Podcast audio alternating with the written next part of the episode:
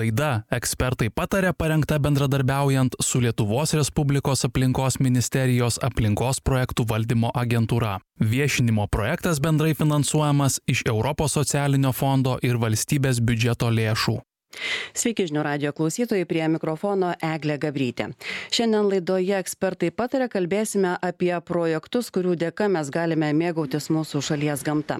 Štai keletas įdomių faktų. Per šešerius metus nugriauta beveik 900 apgriuvusių, apleistų ir bešeimininkų likusių pastatų, kurie vizualiai teršia aplinką ir dažnu atveju kėlė pavojų gyvybei iš viso parengta beveik šimtas kraštovaizdžio sutvarkymo ir pritaikymo visuomeninėms reikmėms projektų o jų įgyvendinimui iš europos sąjungos struktūrinių fondų lėšų skirta daugiau kaip dvidešimt du milijonai eurų. Apie įgyvendintus projektus ir apie tai ką mes kiekvienas iš mūsų galime prisidėti prie kraštovaizdžio išsaugojimo šiandien kalbėsime su aplinkos projektų valdymo agentūros europos sąjungos programų valdymo departamento gamtotvarkos skyriaus vedėja diana gelžine sveiki. Sveiki su mumis taip pat yra ir kuršių nerijos nacionalinio parko direkcijos direktorės pavaduotoja lina dikšaitė sveiki Sveiki. Pone Diena, pradėsiu nuo jūsų. Na, nemažai projektų jau, kaip suprantu, yra įgyvendinta tvarkant ir saugant šalies kraštovaizdį. Jeigu reikėtų apžvelgti, apibendrinti situaciją, kokia yra, ar dar daug tvarkytinų projektų, objektų, ar didžioji dalis vis dėlto jau yra sutvarkyta? Reikia pasidžiaugti kad savivaldybės e, gan aktyviai tai dalyvavo šioje finansavimo priemonėje stengiasi panaudoti parama ir iš viso buvo inicijuota devyniasdešim keturi projektai iš kurių penkiolika šiuo metu liko pabaigti įgyvendinti tai yra paskutinė projekto įgyvendinimo fazė šiuo metu. Turi pabaigti šiais kalenda kalendoriniais metais taigi užbaigta aštuoniasdešim penki procentai projekto šiuo metu ruošdamasi laidai radau tokį įdomų faktą apie kuršių neriją. Pasirodo jeigu mes netvarkytume to apsauginio kalnagūbrio tikėtina kad ilgainiui kuršių nerija pavirstų į tokias atskiras didesnes ar mažesnes saleles. Na apie šį įgyvendintą projektą mes netrukus kalbėsime su ponia lina.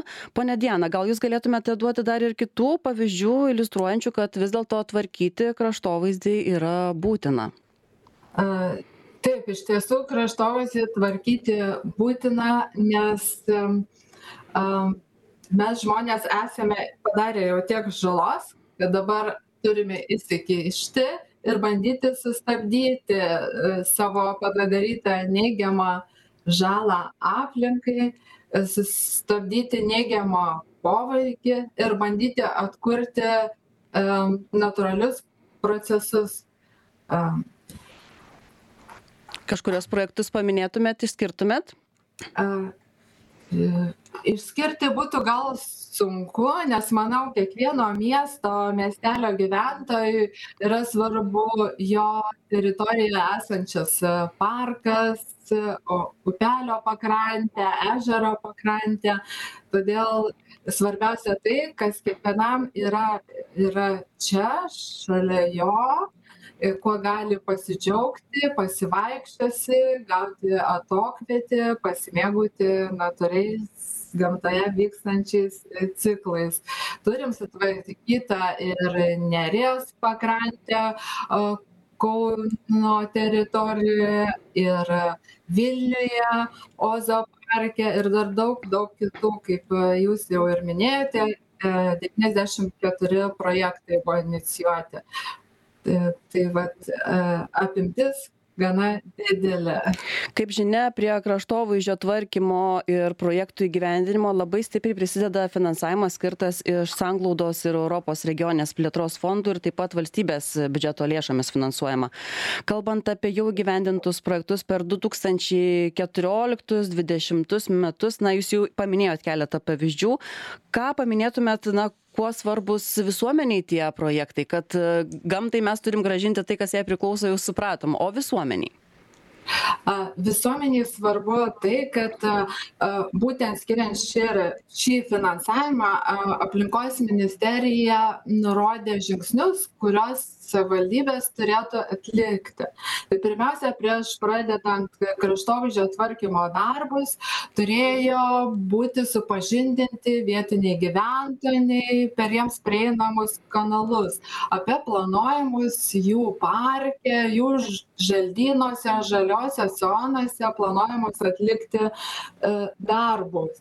Taigi gyventojai galėjo įsitraukti, e, teikti pasiūlymus, susipažinti su tai, kas bus atlikta šalia jų esančiose žaliosiose zonose ir kai tik tuomet, kai buvo priimtas ir rastas bendras visoms pusėms priimtintas sprendimas, kaip ta teritorija turi būti atrodyta, išsaugota, tik tuomet projektas galėjo būti atiduotas derinti su atsakingom institucijoms ir tik tuomet galėjo prasidėti kraštovaizdžio tvarkymo darbai. Ir šiuo metu jau kai kur kai kuriose savivaldybėse keli metai gyventojai gali džiaugtis rezultatais vaikščioti po sutvarkytus parkus po natūraliomis medžiagomis įrengtus takelius įrengtas poilsio zonas edukacines pastatytus stendus kuriuose aprašoma apie vietinę augmeniją šitoje teritorijoje vyks teritorijoje vykstančiusius procesus jie gali susipažinti ir ir pajausti tiesioginę tą realią naudą Pone Lina, prisijunkite prie mūsų pokalbio. Na, jūs kaip Kuršių nerijos nacionalinio parko direkcijos atstovė galite pasidalinti patirtimi, kaip sekėsi įgyvendinti vieną iš kraštovaizdžio sutvarkymo projektų. Kaip suprantu, jau yra įgyvendintas, ar ne, Baltijos jūros kranto apsauginio kalnagubrio tvirtinimas Kuršių nerijoje. Kas jo metu padaryta? Taip, mes šitą projektą pradėjome gyvendinti 2017 metais, baigėme šių metų rūpjūčio mėnesį visas veiklas mes tvarkėme apsauginį pajūrio kopagūbrį. E, per šį laikotarpį, tai septyni metai, vis dėlto yra nemažai. Mes atnaujinome visą infrastruktūrą visose penkiose gyvenvietėse, tai yra laiptai takai, kurie eina per apsauginį kopagūbrį. Kasmet mes šakų klojiniais tvirtinome daugiau kaip 40 tūkstančių kvadratinių metrų teritorijos, tai yra jinai išdėstyta įvairiose vietose įrengti žabtvorės įrengtos kuriomis mes siekiame nukreipti lankytojų srautus įrengti nauji takai. Turim tris naujus perėjimus turime du perėjimus pritaikytus žmonėms su judėjimo negalia ir pastatėm devyniasdešim septynis dviračių stovus tai dabar virš šešių šimtų dviračių galim vienu metu prirakinti prie šitų dviračių to stovų visose gyvenvietėse. Taigi darbų tikrai padaryta labai daug Na, skaičiau, kad e, tvirtinimas e, kopagūbrio vyksta jau 200 metų, ar ne? Ir radau tokią įspūdingą nuotrauką, kur e, moterytė su skarytėm, su didžiuliais kastuvais kasa tvirtina. Ar tie tvirtinimo būdai labai pasikeitė per 200 metų, ar vis dėlto panašus metodai naudojami?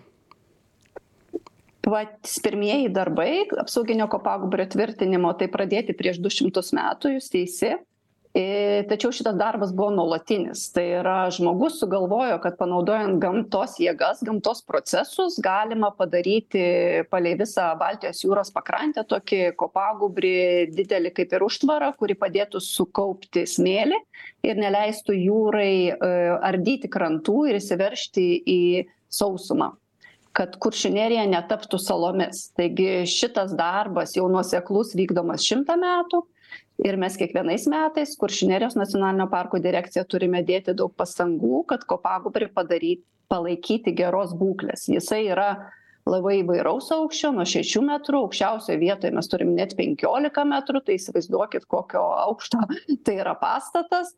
Taigi šitas kopagūbris turi iki šiol jis svarbiausia kas yra kad jis iki šiol atlieka savo funkciją. Tai yra kaupia smėlį ir apsaugo mūsų krantus nuo jūros Na, tiek lietuviai, tiek užsieniečiai tikrai yra pamėgę kuršių neriją, daugėja tų polsiautojų, kiek žinau, daugėja net norinčių gyventi, ar ne, kuršių nerijoje ir ne visi tiesiog žino apie tą kopagubrį. Kiek tikėtina, jeigu mes jo netvarkysime kasmet, na, mes turėsime tas saleles atskiras. Taip daugelis žmonių galbūt net nesupranta kad jie daugeliu atvejų prie jūros eidami kiekvienas kuris jūs atvykę į kuršių neriją einate prie jūros jūs užlipiate ant kopagūbrio. Galbūt jūs nežinote kad tas kopagūbris yra žmogų žmonių rankų dėka sukurtas ir jūs jeigu vaikštote ten kur nėra įrengta jokios infrastruktūros jūs vienaip ar kitaip jį žalojate taigi tą infrastruktūrą kurią mes turime visose gyvenvietėse visi tie mūsų šakų klojiniai yra tam kad sutvirtinti kopagūbrį ir jis atliktų savo funkciją kam jis ir buvo sukurtas e, Jeigu nepaslaptis, kiek kainavo projekto darbai ir kas skiria didžiausią finansavimą? E, visi projekto darbai finansuoti ES struktūrinių fondų lėšomis. Projekto vertė 2133, 2 milijonai, atsiprašau, 133 tūkstančiai eurų. E, jeigu taip išdalinti per metus, sakykime, mes e, krantotvarkai pajūrio juostos įgyvendinimui programos kiekvienais metais ir virš 200 tūkstančių skiriam ir nauja infrastruktūra irgi buvo apie 300 tūkstančių eurų skirta. Lėšų. Na, dabar padaryta nemažai darbų, bet kaip suprantu, ta priežiūra kopagubrio turi būti nuolatinė, ar ne? Toliau ją tęsite taip jūs visai teisi ir tikrai nuolatinė todėl kad jūra nuolat skalauja mūsų krantus ir susi klimato kaitos ke spre dabar stebint procesus kada mažėja šaltų žiemų nebėra ledo sangrūdų pajūry kurios irgi stabdydavo audringiausių laikotarpių bangas. E, deja kopagūbris patiria vis didesnį poveikį iš baltijos jūros ir turbūt daugelis atsimena dvidešim antrų metų vasarį kovo mėnesį kuomet e, septynios audros iš eilės buvo kas tris dienas ir tikrai padarė didžiulę žalą. Ir šitų audrų mes turime mes jų turėsime. Ir žinoma kitas veiksnys kuris prisideda prie kopagūbrio jau šiek tiek užsiminėm tai yra žmogus tai yra mūsų lankytojai ar išskirtumėt ruožus kuršių nerijoje kurie yra patys kritiškiausi? Na kai lankysimės kitą kartą kuršių nerijoje į ką atkreipti dėmesį kur geriau jau na neiti į kur nėra infrastruktūros?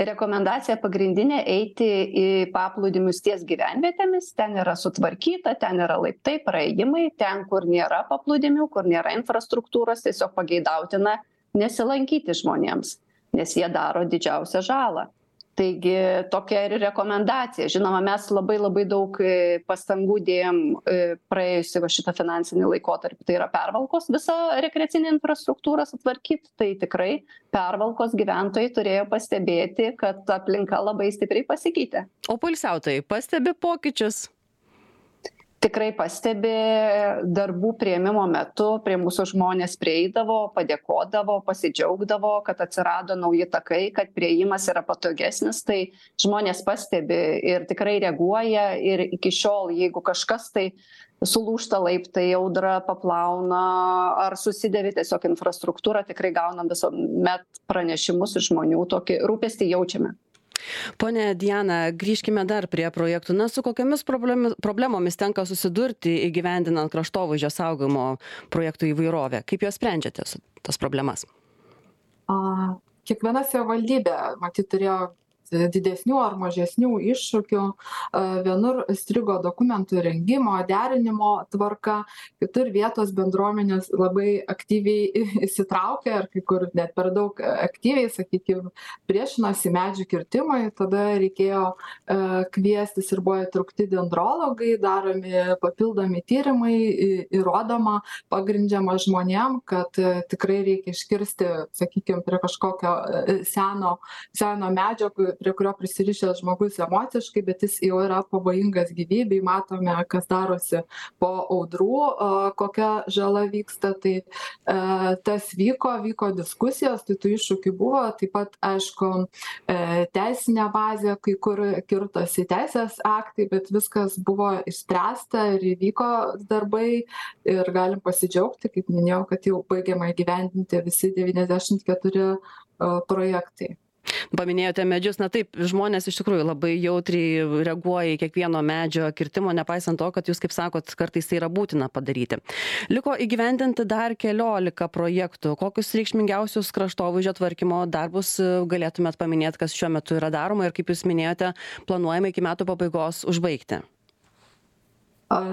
tai reikšmingiausia tai reikšmingiausiai gal atspindi skaičiai kur jūs kaip ir minėjo kad minėjote kad viso bus sutvarkyta septyni šimtai šešiasdešim hektaro ploto a kraštovaizdžio ekologinių tų teritorijų kurias norime išsaugoti renatūralizuoti palaikyti natūralią būklę a sureguliuoti žmonių srautus. Tai daugiausia miestų ir miestelių teritorijose esantys parkai ar šalia jų upių pakrantės ežerų pakrantės todėl kažko labai išskirti kaip ir minėjau kiekvienam miestelyje svarbus jo tam gyventojui jo parkas jo žalioji zona kur jisai gali ateiti atsikvėpti pasidžiaugti ir ir matyti tuos natūralius procesus. Ir ir smagu tai kad nuo pat pradžių bendruomenė buvo privalomai įtraukiama į į tuos procesus ir ir